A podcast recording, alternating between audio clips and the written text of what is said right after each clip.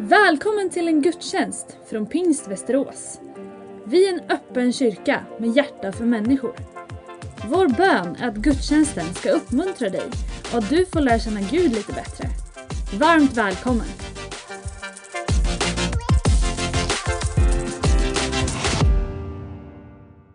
Medan vi står upp så läser vi dagens bibeltext. Och den kommer från Markus evangeliets första kapitel, verserna 14 till 20. Och vi läser i Tro på Guds ord i Jesu namn.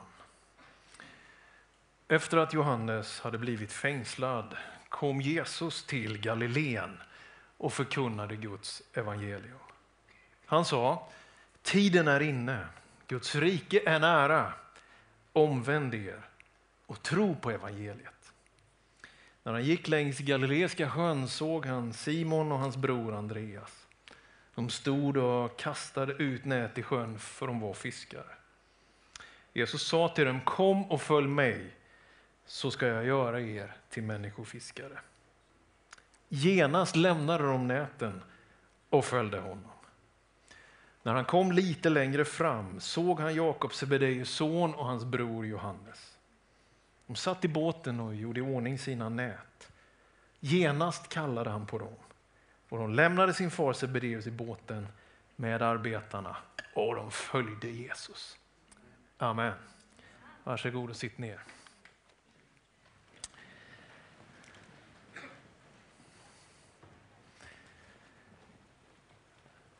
De som känner mig väl och har hört mig predika här många gånger, ni har också kodat ut att jag gärna vill att mötena ska vara slut klockan 12. Så därför kanske det blir något kortare predikan. Men vi har en viktig söndag och Guds ord är alltid aktuellt och det är tilltalande och det säger någonting. Under början av hösten så kommer vi röra oss i Marcus evangeliet. Jag återkommer till det, för jag har med mig en utmaning till er var och en idag om de kommande tre veckorna som ligger framför er. Någonting som vi kan göra tillsammans för att komma vidare. Marcus evangeliet är ju det här direkta, det här pang på evangeliet som inte har så mycket krusiduller och det går inte iväg i poetiska höjder och det är inte jättemycket egentligen fördjupande lära och processer, utan det är väldigt mycket action kan man säga. Och därför säger det här i första kapitlet där Jesus kallar på lärjungar och han gör det i en mylla där någonting etableras och jag tror att det har något att säga till oss också idag. Jesus säger tiden är inne, Guds rike är nära. Omvänd er och tro på evangeliet. De här två första, tiden är inne, Guds rike är nära. Det är verkligheter i Guds närvaron, i hans församling, i ditt liv, i det som är vår tillvaro, som han tillför. Det här är inget som vi krystat manar fram. Gud, nu måste du göra någonting. Jag stöter på i mitt uppdrag, ibland hos mig själv, ibland hos andra, någon slags inriktning och tanke om att man nästan skulle på något sätt vara den helige ande, att man som kyrka eller pastor måste få till någonting så att det blir någonting. Och man lägger ett väldigt fokus på jaget och överlåtelsen. Men det evangeliet börjar med är aldrig det. Det börjar inte med vad vi gör och borde, det kommer något sånt, ett gensvar och en respons, utan det börjar med något annat. Det är Gud som satte skapelsen till. Det är han som ville att du, just du, skulle existera.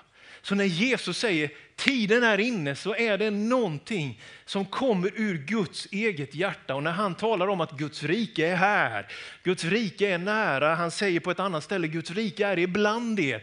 Och Paulus beskriver Guds rike som en plats där det finns rättfärdighet, frid och glädje i den heliga ande. Så är det till 100 procent ett bidrag från Gud själv till oss människor.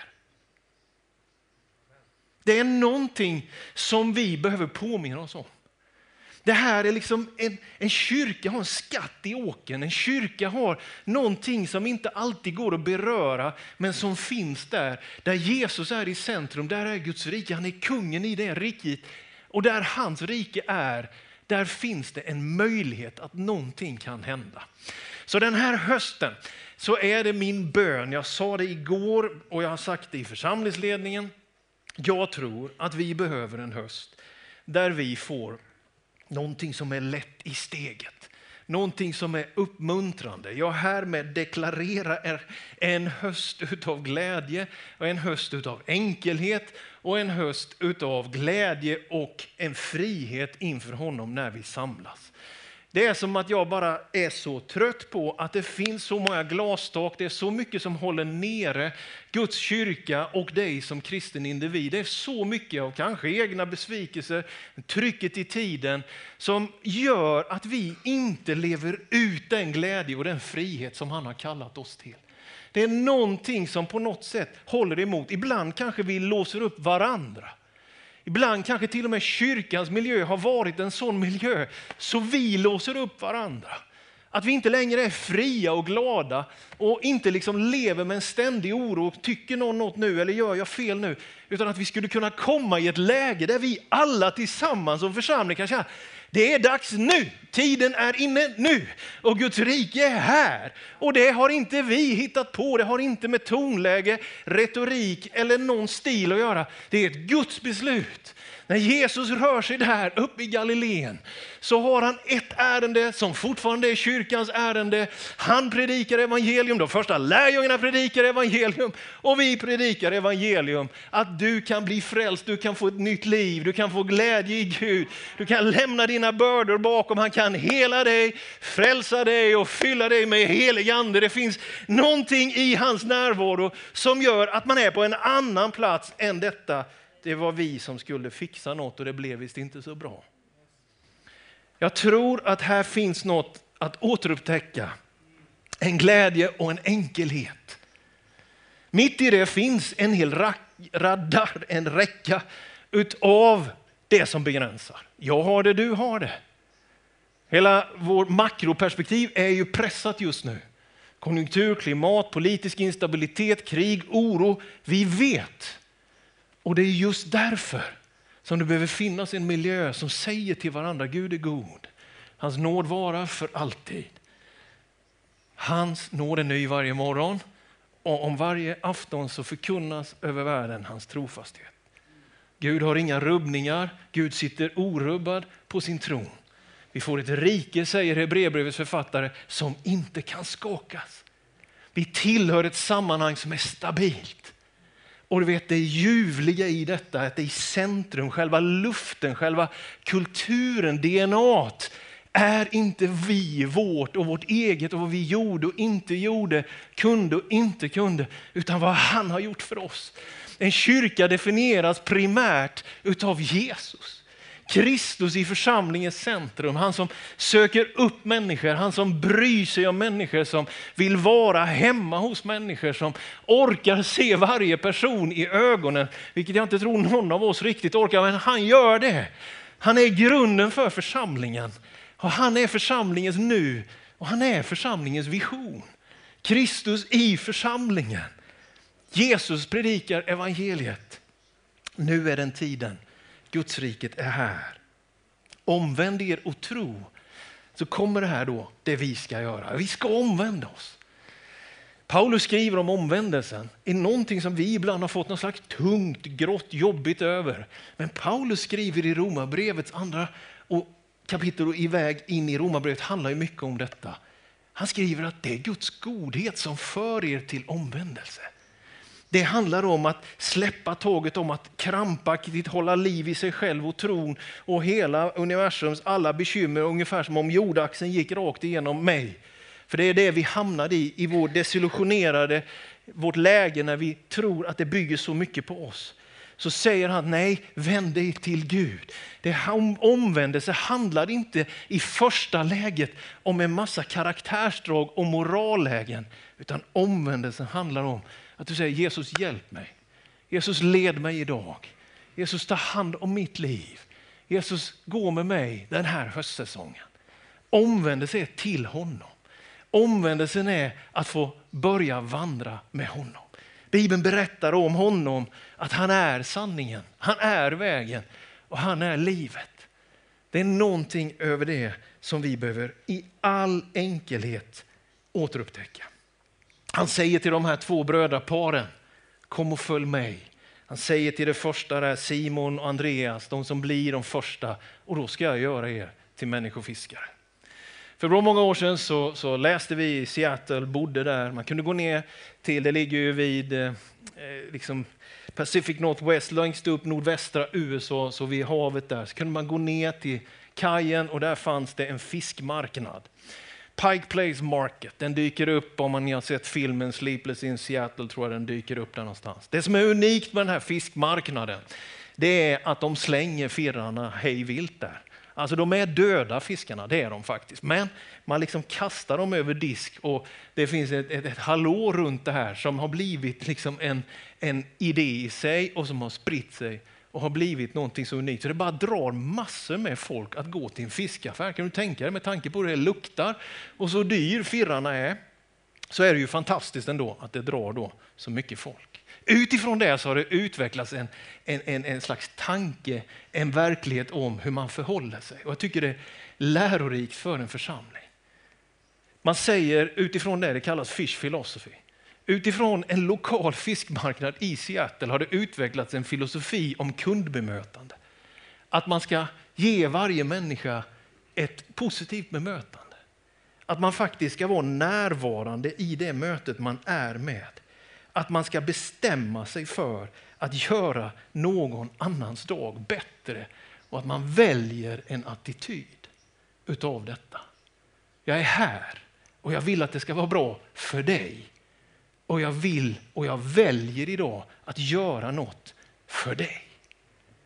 Det är kyrkan. Du vet, den här församlingen behöver ett folk som är märkta av evangeliet. Vi, vi kan inte ha en kultur framför oss där vi graderar varandra. Vi kan inte ha en kultur framför oss och i oss där vi bygger på vår egen förmåga och där vi ser ner på andras oförmåga. Vi kan inte bygga liksom på att när man inte är troende, då kan man få förlåtelse och nåd. Men den dag du har blivit troende, då gäller det att du fixar det här, annars kan du inte vara med här. Vi måste ha evangeliets kultur i kyrkan. Tiden är inne, Guds rike är nära. Vi vänder oss om hela tiden till honom för att följa honom. Evangeliets kultur kan inte vara det vi kommunicerar utåt bara, utan någonting vi lever inåt. För då händer det att man vill ge, vara med och satsa för att kärleken är inget man letar efter, ska få tag i av egen maskin, utan någonting som man redan har fått. Det märker de här grabbarna, de lämnar allt och de följer Jesus. Det är en beslutsamhet och det är en överlåtelse, det är en villighet och det är en glädje. Men det har med Jesus att göra som allt av deras engagemang kommer. När du kom in i kyrkan idag så fick du en ljusblå sticker. Jag skulle vilja att du tar fram den nu. Har du inte fått den så får du ta den efter gudstjänsten. Det här är vårt sätt att starta hösten 2022 från och med idag till den 19 september. Det här är en utmaning från mig till er alla och till mig själv såklart. Det är på tre P, tre utmaningar under tre veckor att leva ut varje dag och varje vecka.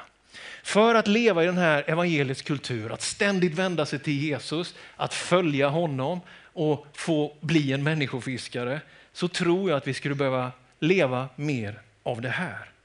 Jag utmanar dig att varje dag i tre veckor läsa ett stycke i Markus evangeliet. Du behöver inte läsa ett helt kapitel om du vill, men du vet, Bibeln är ju indelad i en massa stycken. Och Markus evangeliet har massor med texter som beskriver vad Jesus gjorde. Du behöver bli påmind om det tror jag. Jag behöver bli påmind om det. Jag läste en undersökning under sommaren, den var väl från USA, där man säger att 7% av män som är kristna läser Bibeln överhuvudtaget. Så det innebär, om det finns någon, någon evidens och sanning i det, så är det många av oss grabbar, vi läser väldigt lite i Bibeln. Nu utmanar jag dig att göra en kickstart och läsa ett sånt här, som typ vi läste nu. Fem, sex versar. Ja, kan läsa mer? Ja, fine, gör du det. Kan läsa alla 16 kapitel? Ja, visst, gör det. Men jag säger ett sånt här avsnitt varje dag i tre veckor. Inte minst vi grabbar. Kan vi nu ta ett församlingsbeslut på detta, punkt 1. Ska vi läsa Marcus evangeliet i tre veckor, Pingstkyrkan i Västerås? Svarar vi ja. ja. Bra. Den andra punkten, då står det pingst. Jag lyssnade en gång på P.O. Enquist i Stockholm, författaren som skrev bland annat om Levi Petrus. Ni vet P.O. Enquist, rötter i EFS här, inom Svenska kyrkan, väckelserörelse, skriver om vår rörelses förgrundsgestalt. Han skriver en bok som heter Levis resa. Jag lyssnade på P.O. Enquist när han pratar om pingströrelsen då säger han om pingströrelsen att den har ett sound, säger han. Ett sound av någonting som är folkligt, av någonting som är liksom berusande, någonting som är hänförelse. Det är det som är pingströrelsen, säger P.O. Enquist till en stor grupp pastorer. Min andra utmaning till dig under tre veckor, det är att öka pingstkvoten lite i ditt liv. Hur ska nu detta gå till? Jo, min utmaning till dig, det är att tänka så här. Det är jättebra med reflektion, det är jättebra liksom med tystnad och man kan tända ett ljus. Det är inte fel. Det är bra med skrivna böner. Jag försöker själv att formulera mig ibland i skrift. Men det finns någonting utav när du sitter bakom ratten eller när du duschar på morgonen eller när du är löparrundan eller när du går till kaffemaskinen beroende på vad du tycker är lämpligt och hur mycket folk omkring dig. Jag utmanar mig själv och dig att varje dag i tre veckor sätta lite ord på din tro och säga till exempel tack gode Gud för din nåd. Så du själv hör det. Varje dag. Om du har den här nådegåvan att tala i tungor så odla den. Har du inte den kan du få den, tror jag. Jag skulle vilja att vi hjälper varandra, eller vi är ju där vi är, det här sker ju inte samlat. Men jag faktiskt vill att du ska väcka liv i den där pålande källan av tacksamhet. Att någon gång så du själv hör din egen röst varje dag säga tack Jesus. Tack Jesus för frälsningen. Tack Jesus för att jag har så mycket pengar, om du nu har det. Alltså du får säga vad du vill. Men jag, jag tror att en tyst pingstkyrka, det är en komplex pingstkyrka för mig. Gud skruvar ihop oss till att vara lite bullriga på något sätt. Att höras i gathörnen. Att vara en rörelse som har ett sound. Liksom. Det är så jättebra med läsning, reflektion. Jag vill inte säga någonting emot det, för vi behöver det. Men vad är vår rörelse om vi bara tittar på? Det gör så ont liksom. Vad är vår tro om vi bara är publik? Hur i hela världen ska någonting påla inom en om det aldrig får påla? Liksom? Så det, jag, jag, jag, hoppas du känner att jag, för mig är det här liksom bara en, en liksom, jag behöver det här själv. Liksom. Jag har tystnat på något sätt.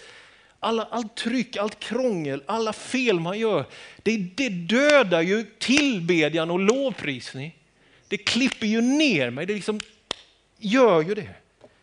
Så mitt andra förslag till detta församlingsmöte är att vi försöker sätta ord på vår tro varje dag. Att du själv hör din egen röst säga Tack Jesus. Kan vi vara överens också om detta? Svarar vi ja. Den sista är praktiskt. Någonting varje vecka. Kan vara att gå på en sån här gudstjänst, kan vara att dra ett sms till någon, jag ber för dig. Kan vara att bestämma lunchdate, ska vi luncha ihop? Kan vara att engagera sig i en grupp här i kyrkan av något slag. Någonting varje vecka som också är att få vara med och göra någonting praktiskt. Och Det står på den översta den personen att någon gång under dessa tre veckor också få dela tron på något sätt till någon annan människa. Att sträcka sig ut till andra i fysiskt praktiskt engagemang eller säga jag ber för dig, finns det något jag ska be för? Och här la jag fokus på att någonting kan hända varje vecka. Så det är min tredje fråga till detta församlingsmöte. Ska vi göra ett engagemang som sträcker sig ut till någon annan människa minst en gång per vecka under tre veckor får vi se vad som händer. Är ni med på också denna sista så svarar vi. Ja. Det är bra. Och detta är ju såklart en annorlunda predikan. Det här är tre veckor framför och det kommer dyka upp i sociala medier och den 18 september kommer vi få lite vittnesbörd och rapporter om vad Gud vill göra under det som ligger framför. Det personliga, det som är ett sound av tro och det som är ett praktiskt engagemang. Nu ska vi stå upp tillsammans över kyrkan och så ska vi be. Och vi har med oss lite gruppledare nu som kommer komma fram och hjälpa mig att be här. Och det är från Skultuna, Norberg, Surahammar. Jag vet att det är eh, från vår etiopiska eritreanska grupp och har vi någon från finska och spanska så är ni också välkomna. Men det är en fyra, fem bedjande ledare här som ska vara med och helt enkelt be för hösten. Och sen kommer vi att betjäna och be för dig också och så småningom smyger lovsången igång här. En lätt höst, en enkel höst, en okomplicerad höst och en höst fylld av glädje. Det är vad jag behöver och det är vad jag tror att församlingen behöver. En, en, en höst med Jesus i centrum, en, en höst där det inte är så mycket fokus på det, vad vi, utan att vi följer honom som har etablerat riket ibland oss. Du har lyssnat på en gudstjänst från Pingst Västerås. Har du frågor om församlingen eller vill veta mer om kristen tro kan du gå in på vår hemsida vasteras.pingst.se. Varje söndag firar vi gudstjänst tillsammans klockan 10.30. Välkommen att vara med via webben. Sök efter vår Youtube-kanal Pingst Västerås så hittar du livesändningen.